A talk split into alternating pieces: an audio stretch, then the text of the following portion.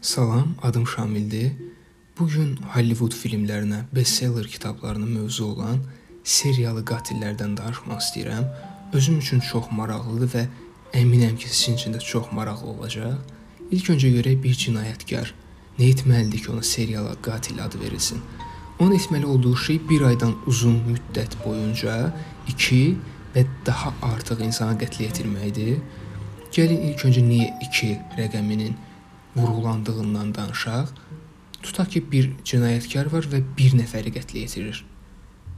Bir nəfərdən seriya əmələ gətirmək mümkün olmadığı üçün məhz biz ona seriyalı qatil adını verə bilmirik. Ona görə də ən az 2 nəfər lazımdır ki, ortaya bir seriya çıxsın. Daha sonra gəlirik 1 ay mövzusuna. Bunu da örnəyinlə açıqlayaq. Təsəvvür edin ki, dostunuzla axşam yeməyi yeyirsiniz. Yan masada 5 nəfər içkili insan var. Sizə sözləri ilə sataşırlar. Sizə yeməkdə yoldaşlıq edən şəxs əsəb bir insandır. Masadan bıçağı alır, 5 nəfərdən 3-ünü öldürür. İlk şərt qarşılandı. 2 və daha artıq şəxsi qətl yetirmək. Amma biz ona seriyalı qatil adını verə bilmərik. O sadəcə əsəb partlayışının pis nəticəsini yaşayan və bunun cəzasını çəkən adi bir insan olacaq. Çünki bu qısa bir müddətdə düşünülmədən əsəbin alovunun nəticəsi olaraq törədilmiş cinayətdir. Ona görə 1 ay şərti qoyulub ki, seriyalı qatili bu örnəkdəki qatillərdən fərqləndirə bilək. Bu şəxslərin haqqında daha geniş məlumata keçməmişdən öncə psixoloji portretlərinə də qısaca toxunaq. Onlarda biz antisosiallığa rast gəlirik. Antisosiallığı asosiallıqla ayırmaq lazımdır. Asosial insan odur ki, sosial çevrəsi yoxdur, günün çoxunu evdə keçirdir. Video oyunları, filmlər, kitablar deyə bilərik ki, filmdir, kitabdır. Hamıya lazımdır. Video oyunlarının özünə xas əyləncəsi var, amma bir həddə qədər. Həmin həddi keçdikdən sonra artıq həmin insanın sosial mühiti olmur və o cəmiyyətdən qıraq qalır. Amma antisosial təmiz ayrı bir şeydir. Onun çoxlu dostları ola bilər.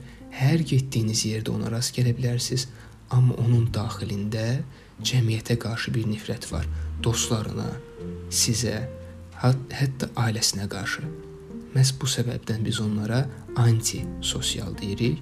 Daha sonra o serial qatillərdə rast gəlinən problemlərdən biri də psixopatlıq və paralel olaraq sosiopatlıqdır. Bəzilərində psixopatlığa, bəzi bəzilərində sosiopatlığa rast gəlirik.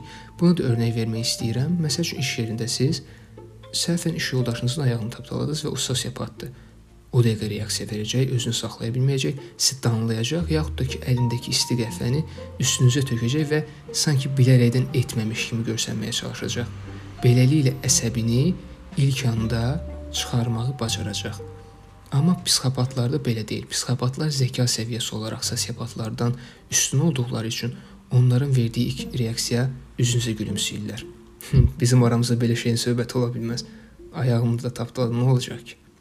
Keçir gedir, siz bunu unutursunuz, onun da unutduğunu düşünürsüz. Çünki nəticə etibarilə də sadəcə ayaq tapdalamaqdan söhbət gedir. Hamımızın başına gələ biləcək kiçik bir qəzadır. Qəza demək hətta belə olmaz. Amma o bunu unutmur sizə gözləmədiyiniz anda gözləmədiyiniz zərbəni endirir, uzun müddət bunun üçün plan qurur və siz gələn zərbənin ondan olduğunun fərqinə belə vara bilmirsiniz. Bunlara da biz psixopatlar deyirik ki, e, serial qatillərdə psixopatlara da çox rast gəlinir. Gəlin onların indi qruplarından, tiplərindən danışaq. Təşkilatçı, qeyri-təşkilatçı və qarışıq olaraq 3 tip, 3 qrup ayrılırlar. Bu bölüşdürmənin bu bölgünün səbəbi onların cinayətə qədər, cinayət anında və cinayətdən sonra etdiyi hərəkətlərdir.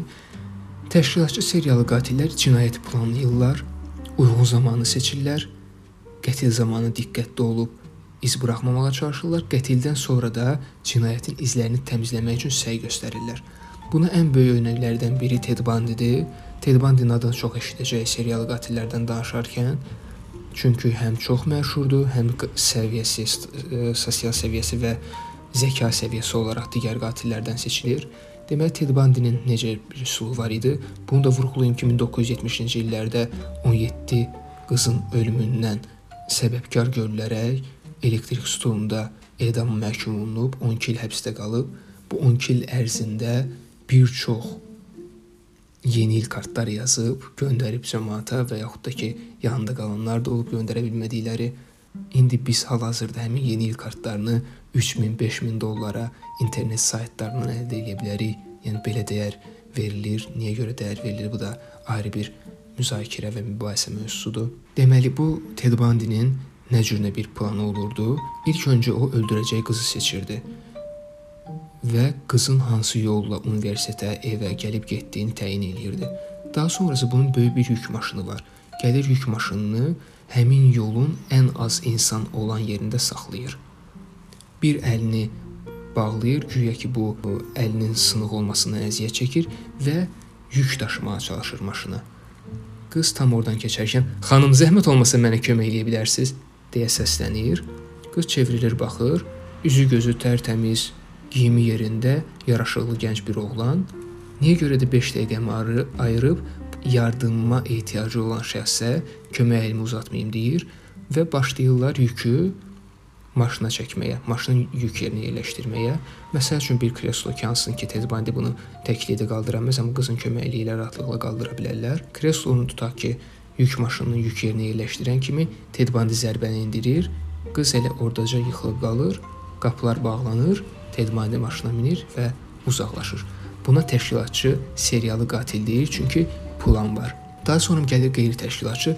Qeyri-təşkilatçıda heç bir plan yoxdur qurban profilinə uyğun bir adam varsa, tapdığı yerdə öldürür, cinayətin üstünü bağlamağa çalışmır, çox vaxt elə orada qoyur, çıxır gedir.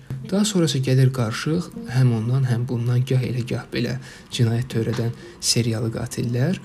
Amma bir şey vurğulamaq istəyirəm ki, hər təşkilatçı olaraq başlayan serial seriyalı qatil sonunda qeyri-təşkilatçıya çevrilir.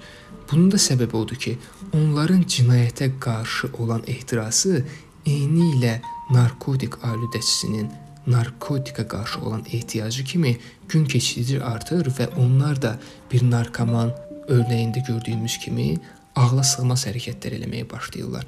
Normalda bir təşkilatçı qatilin məntiqinə sığmayacağı bir şey eləyir. İnsanların gözünün qabağında danışdığı insanı öldürə bilər, otaq yoldaşını qətlə yetirə bilər və yaxud da ki, bunun kimi artıq ehtirasına qarşı gələ bilməyərək məntiqdən kənar səhvlərə yol verə bilər. Bununla da yanaşı biz dedik axı onlarda psixopatlığa rast gəlinir, sosiopatlığa rast gəlinir. Bu hər iki psixoloji problemdə də narsizm var. Əgər bir şəxs artıq o nöqtəyə gəlib çatıbsa, məsəl üçün Ted Bundy kimi 17 nəfər qız öldürübsə, bunun içərisindəki narsizm deyir ki, polislər axmaqdılar, səni yaxalaya, həbs eləyə bilməyəcəklər. Ona görə rahat ol. Bu rahatçılıq da səhv etməsi ilə nəticələnir. Daha sonra gələk onların motivasiyalarına. Motivasiyaları xəyalpərəstlik, missiya, zövq, güc və idarə olaraq 4 qrupa bölünür. Güc və idarə eyni qrupdur. Gəlin öncə xəyalpərəstlərdən danışaq. Xəyalpərəstlərin ən məşhur örnəyi Semin oğlu adlanan seriyalı qatildir. O həbs olunduğu zaman demişdi ki, mənə qonşumun iti gəlirdi, o şeytan idi və əmrlər verirdi ki, mən insanları qətl etirim. Onun qətl prosesi necə idi? Gəlirdi, maşında oturan cütlüklərin hərəsinin alnına bir atəş açırdı və çıxıb gedirdi. Sabahsı gün görürdü, görürdülər ki, bir maşın, sınmış şüşələr, alnından yaralmış bir sevgili cütlük. Beləliklə də onu tapmaq da çətinləşirdi, çünki heç bir əlaqə yox idi bu ölən cütlüklər arasında. Daha sonra başqa bir örnəyi biz verə bilərik qardaşoğlu olan Türkiyədən Süleyman Aktaş, digər adı ilə Çivici Katil. Onun da yüksək voltajlı elektrik tok vurmasından sonra xalq arasında deyilən adı ilə desək, seriyalı qatil karyerası başlayır və başlayır o insanları öldürməyə. Öldürdüyü insanların alınlarına və gözlərinə mismallar çaxır. Həbs olunduqdan sonra polis ifadəsində bu kəlmələri yer verib ki, mismar gördüyüm zaman onları qarşı qoya bilmirəm. İstəyirəm ki, insanların başına çaxım.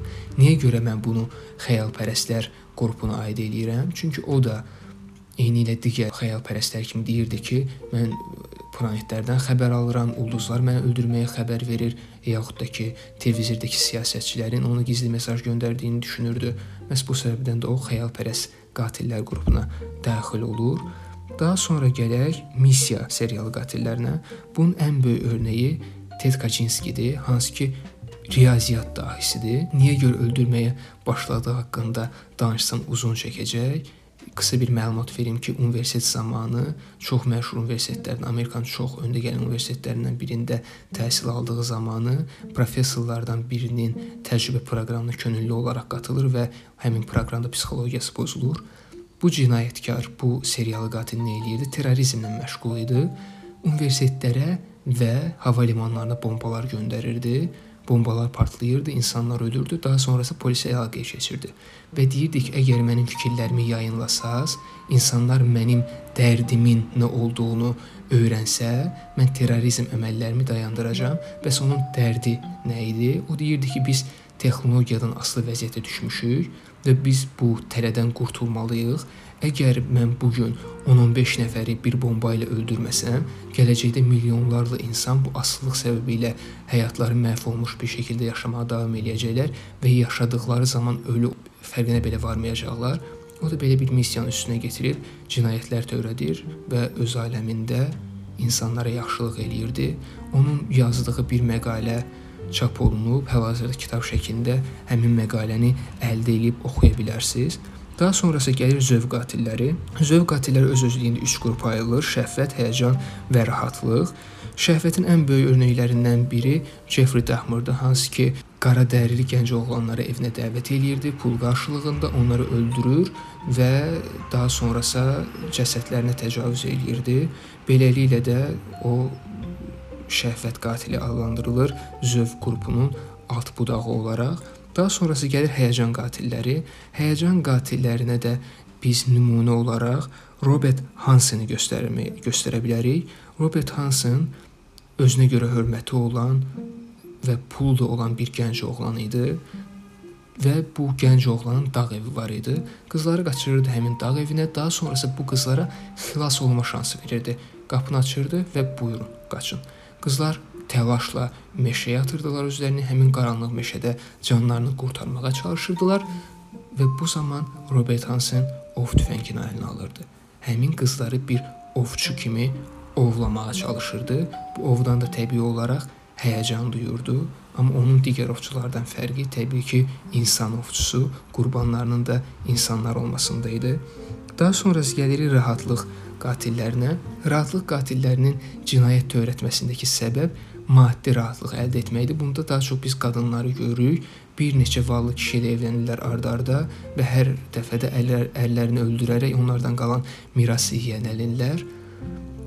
Təbii ki, bu seriyalı qatillər arasında kişi örnəkləri də var. Məsəl üçün Holmes. Holmes böyük bir otel tikdirir və həmin oteldə qaz odaları təşkil edir. Eyni ilə almanların yahudiləri öldürməyi öldürmək üçün istifadə etdikləri qaz otaqları tipində qaz otaqları və həmin qaz otaqlarına buraxdığı müştəriləri öldürür. Daha sonrası onların pullarını, sığortalarını və s. mənimsəyir. Bu işi necə nə deyirlər, strukturunu, strukturunu qurur və planlı bir şəkildə yerinə yetirərək oradan böyük gəlir əldə edə bilər. Ən sonunda gəlirik güc və idarə qatillərinə nümunə olaraq John Wayne Gacy-ni göstərmək olar. Bu insanlar çox və uşaq vaxtında təcavüzə məruz qalmış şəxslər olurlar. Həmin təcavüz onlarda psixoloji olaraq çatışmamazlıq hissini əmələ gətirir və həmin insanlar böyüdükləri zaman bu hissi bastırmaqdan ötürü, məhv etməkdən ötürü cinayətlər işləyirlər. Eyni ilə Jeffrey Dahmer, yəni ki, şəhvət qatilləri kimi onlar da öz qurbanlarının cəsədlərinə təcavüz eləyir, amma bir fərq var ki, onlarda şəhvəni hiss olunmur. Bu təcavüzün məqsədi həmin qurban üstündə üstünlük qurmaqdan ibarətdir. Onlar fikirləşirlər ki, əgər mən bunu bacardımsa, öldürdüm və belə yolla da onu təhqir etdimsə, mən ondan üstünəm. Beləliklə güclü olduqlarını düşünürlər. Uşaq vaxtı əmələ gələn psixoloji çatışmamazlıqlarını beləcə örtməyə çalışır və bir qədər də bacarırlar. Təbii ki, sonları heç də ürəkaçan olmur. Bu dəfəki söhbətimiz burada bitsin. Gələn söhbətdə başqa seriyalı qatillərdən, qurban profillərindən, qurbanları necə seçdiklərindən və maraqlı cinayət proseslərindən danışmaq istəyirəm. Gələn görüşlərə qədər